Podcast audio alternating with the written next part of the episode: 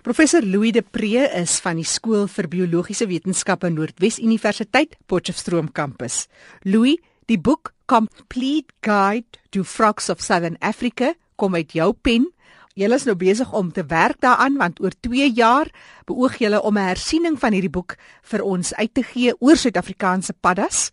Dis ook waar die publiek se hulp ingeroep word. Maar vertel ons van die verwikkelinge so in hierdie tyd nadat die tweede druk ook al reeds uit is daar's 'n nuwe reënpaddatjie in Namakwaland, uh een van die brewe sepse en dan's daar so so 'n paar nuwe blikslaanertjies van mhm. die mm -hmm. van die kakosternums en daar's nog wat onbekend is wat nou in die proses is om beskryf te word.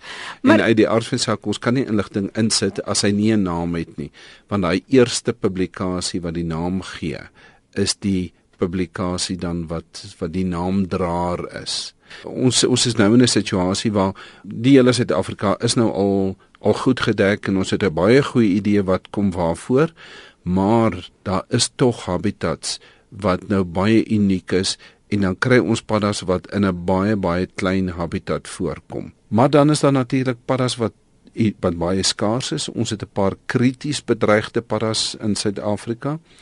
Nou as 'n mens daaraan dink dat in die hele wêreld is daar nou baie diere wat bedreig is en wat die getalle mm. afneem, maar die vertebraat groep wat wêreldwyd die meeste bedreigde spesies het, is paddas. Paddas is die mees bedreigde vertebraat groep. Hoekom? En en as ons dink dat hulle hulle die paddas is met ons vir 350 miljoen jaar. Lank na hulle op die aarde was, het die dinosourus gekom en die dinosourus het verdwyn. Die paddas is nog steeds hier, maar nou is daar gevaar. Nou is hulle getalle regtig aan die afneem. En om by jou vraag te kom, hoekom hulle habitats? Mense roei paddas habitats uit. Van die paddatjies het geweldige beperkte verspreiding. As ons nou dink aan Suid-Afrika, daar's 'n paddatjie wat net voorkom bo op Tafelberg. Hmm. Geen ander berg. So is is paddas uniek en het hulle regtig hulle spesialis habitat. So habitatvernietiging is 'n groot probleem.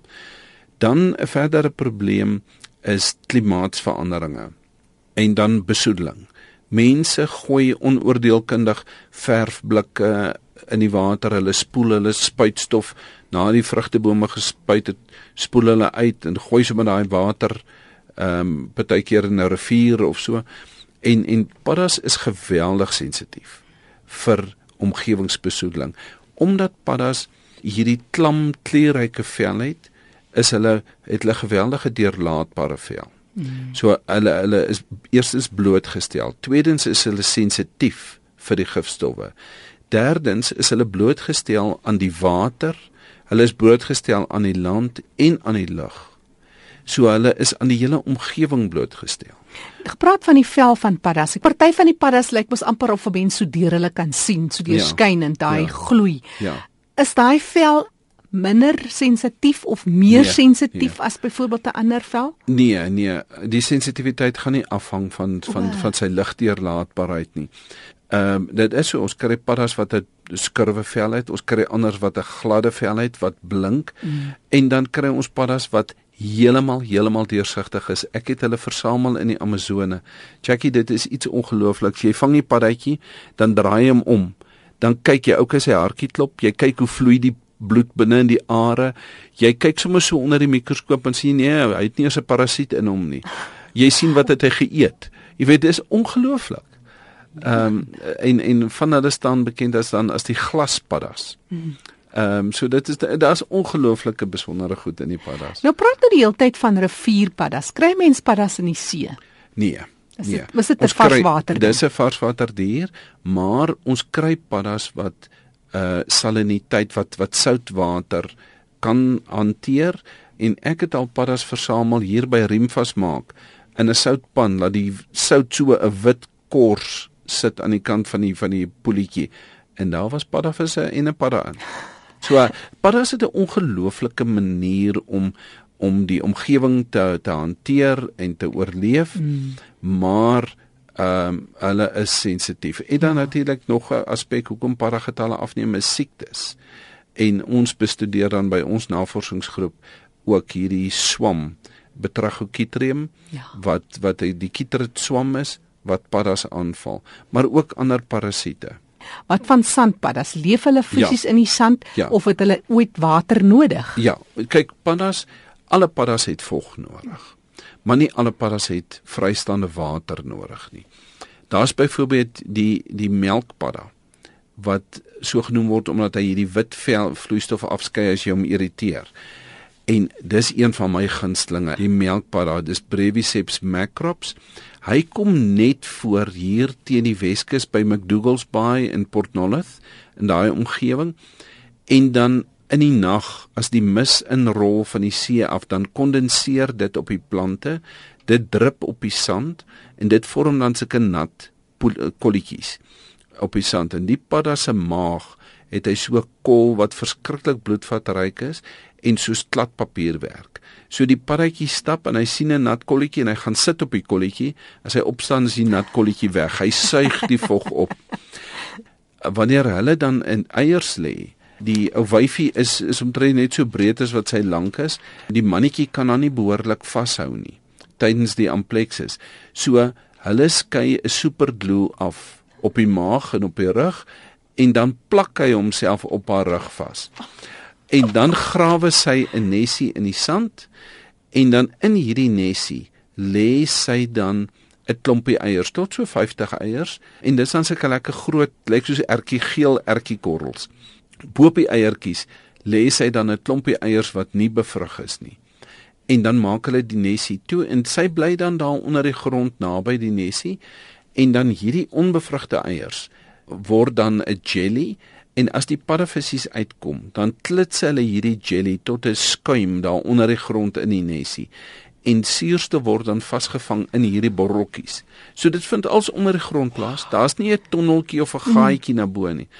En dan word die hele ontwikkelingsproses onder die grond voltooi en uit die grond uit klim dan hierdie mikro weergawe van die ma. Klein klein paddatjies soos 'n pinkie-naal klim dan uit en dis aan 'n melkpaddatjie. Professor Louis de Pre wat gesels, hy is van die skool vir biologiese wetenskappe by Noordwes Universiteit Potchefstroom kampus.